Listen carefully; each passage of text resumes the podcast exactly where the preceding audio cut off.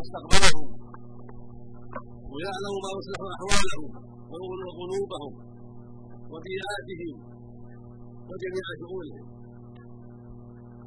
كانت الأنبياء الورى والرسل. كان النبي يبعث إلى قومه خاصه أما نبينا ورسولنا وإمامنا محمد بن عبد الله عليه الصلاة والسلام فقد بعث إلى الناس عامة. قل يا أيها الناس إني رسول الله جميعا. وما أرسلناك إلا كافة للناس بشيرا ونذيرا.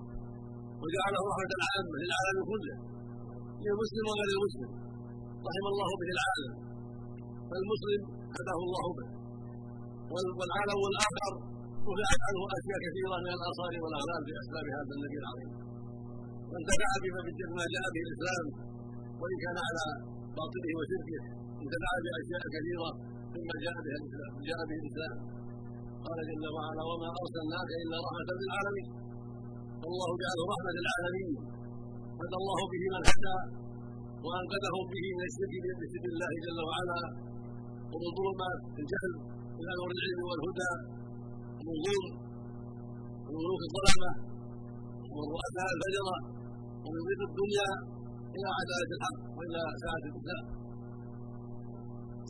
فجاء بحضارات عظيمه انتفع بها القاصي والداعي وانتفع بها الحضري والبدوي وانتفع بها العالم كله.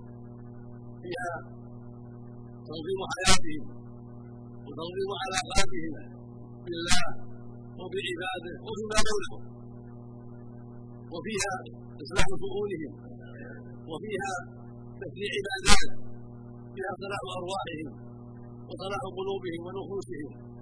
واستقامة حالهم مع ربهم عز وجل في تلك العبادات التي بها طهارتهم وزكاة نفوسهم وإصلاح قلوبهم وسلامتهم من الأخلاق الذميمة والعادات الجاهلية والأعمال المنكرة والظالمة. وفيها أيضا بيان ما يجب أن يكون بينهم من المعاملات في كل شؤونهم وما يكون بينهم من العلاقات والأحوال الخاصة بينها جل وعلا وأوضحها للعباد على وجه العدالة. من غير ظلم ولا غلو ولا تقسيم بل يحكم نظام وعدا لنظام من عند هذا الأرض والسماء سبحانه وتعالى. كما بين صلات القرابات فيما بينهم وصلات الزوجين فيما بينهم وصلات الرعية بالراعي والراعي بالرعية وصلات المسلمين فيما بينهم وما يجب بينهم من الأخوة والتعاون والتناصر كذلك ما يتعلق بالظلم والعدوان من بعضهم على بعض. حكم ذلك سبحانه. بما أوجب من الحدود وبما اوجب من القصاص والديات وغير ذلك. كل ذلك فيه صلاح البشريه كل فيه نجاتها وسعادتها. وقد حرم بذلك نبينا عليه الصلاة والسلام. ثم خلفاؤه الراشدون.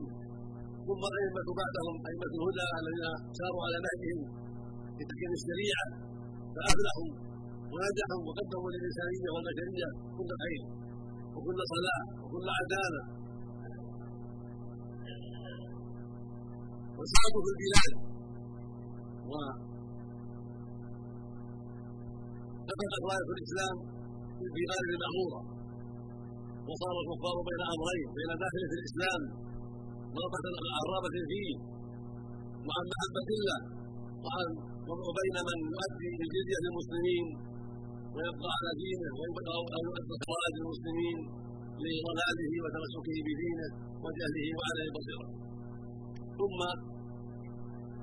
إن كثيرا منهم بعد ذلك يتبصر الحق ويعلم ما هو فيه من الضلالة والذل والذل والهوان فيدخل في الإسلام ويجعل هو عليه من الباطل ثم تفرقت المسلمين الأهواء وتغيرت الأحوال وانقسم الناس إلى أقسام فطلع فيهم الأعداء بسبب الأهواء والذنوب والمعاصي وبسبب عدم التعاون بينهم فصار ذلك وسيلة إلى طمع الأعداء في بلاد المسلمين والاستيلاء على كثير منها والاستمتاع بثرواتها وخيراتها حتى وصلت الحال إلى ما ما لا يخفى من ضعف المسلمين وتمسكهم كثيرا.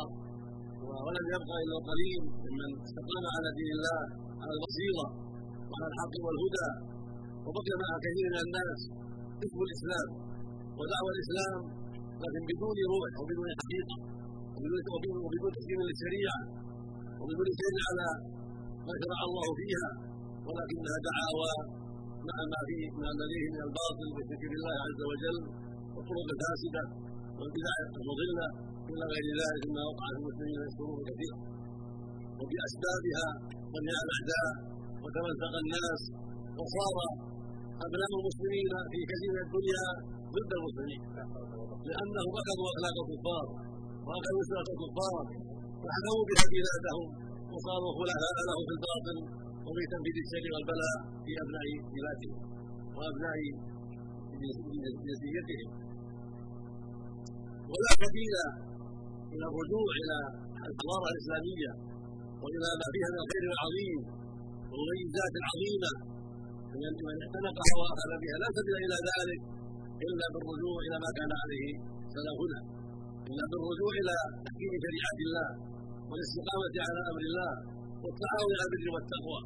فبذلك يعود للمسلمين مجدهم ويعود لهم عزهم الغابر ومجدهم السالف وينصرون على أعدائهم ويمكنون في الأرض كما كما ممكن الاسباب قال مالك بن أنس عن العلماء مشهورين وقال غيره من أهل العلم لن يصلح آخر الأمة إلا ما أصلح أولا.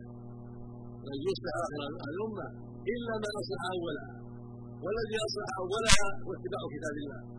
وسنه الرسول عليه الصلاة والسلام والجهاد في ذلك والصدق في ذلك والتعاون في ذلك.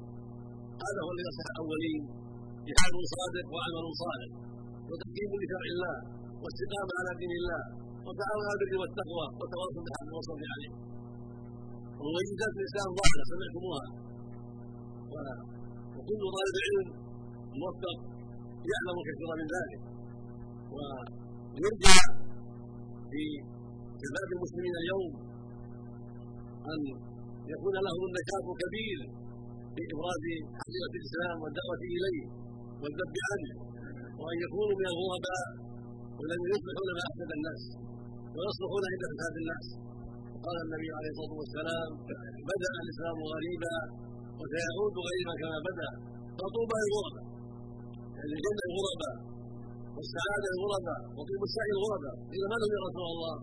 قال الذين يصلحون اذا فسد الناس. ويصلحون إلى الله ويصلحون ما افسد الناس. قوله غرباء الذين يصلحون عند فساد الناس. ويصلحون ما افسده الناس وما اماته الناس من السنة والحق. هؤلاء هم هم نزاع من القبائل وهم الغالة المصلحون بعلمهم وفضلهم وهداهم وهم أئمة الهدى بعلمهم ودعوتهم إلى الحق. فنسأل الله أن يكثرهم في المسلمين وأن يقيم لهم القادة الصالحين والأئمة المفلحين وأن يبارك في مسائهم وأن يكثر فيهم الخير والهدى وأن يصلح شباب المسلمين وسيبهم وأن يجمعهم على الحق فإن الهدى والاستقامة والدعوة الخير يحتاج إلى شيب صالح وشباب صالح. يحتاج إلى تعاون بين الشيب والشباب بين الكبار والصغار بين القادة والرعية. تعاون كامل على الحق والهدى. ونصح للأمة. واستقامة على دين الله. وتفقه في دين الله وتعلم الجهل يضر أهله والمقام يحتاج إلى عناية بالعلم والعمل يتعلم التفقه في الدين. كما قال النبي عليه الصلاة والسلام من يرد الله به خيرا يفقهه في الدين. التفقه في الدين هو طريق الخير وهو سبيل السعادة. حتى يستطيع يستطيع العالم أن يقيم أمر الله على بصيرة. وهكذا القائد يستطيع أن ينفذ أمر الله على بصيرة. على ضوء ما يقوله العالم ويوصله به العالم فالامه محتاجه إلى قادة وعلماء يعرفون حضاره الإسلام ويميزونها وينفذونها بين الناس. المسلمون في حاجة إلى العلم والى التنفيذ إلى علم علم النافع وعمل صالح وقائد صالح ينفذ أمر الله لعباد الله. فنسأل الله أن يبارك في قادة المسلمين ويهديهم صراطه المستقيم ويرزقهم الاستقامة ويردهم إلى التوبة والإستقامة. وترك ما هم عليه من باطل وضلال وان يقيم بهم صراطه المستقيم ويجمعهم على الحق والهدى وان يصلح أحوالهم وشبابهم وشيبهم ورجالهم ونساءهم حتى يتعاون بالبر والتقوى. وهنا مؤتمر سوف يعقد قريبا ومؤتمر قمه اسلامي فنسأل الله أن البركة والخير. نسال الله أن أهلا على الخير وأن يوفقهم للخير. وأن ينفع بجهودهم ويبارك في مساعيهم حتى ينتج منهم ما ينفع الأمة وما ينفع المسلمين في عاجل أمرهم وعاجله وفي دينهم ودنياهم نسأل الله يوفق القائمين عليه والمشاركين فيه وأن يهدهم صراطهم المستقيم وأن يوفق ثمرهم للنجاح والفلاح وأن لا يجعله كاسرا نسأل الله أن يجعله ناجحا موفقا فيما في صلاح المسلمين الله ولا يفوتني أيضا. لا يفوت نشكر لاخوان المشايخ الثلاثه جهودهم وعملهم ونسبتهم واسال الله يجزاهم خيرا وان يضاعف مثوبتهم وان ينفع بسعيهم. ولا بد أن تنشر هذه الندوة وان توزع وينتفع بها الناس إن شاء الله.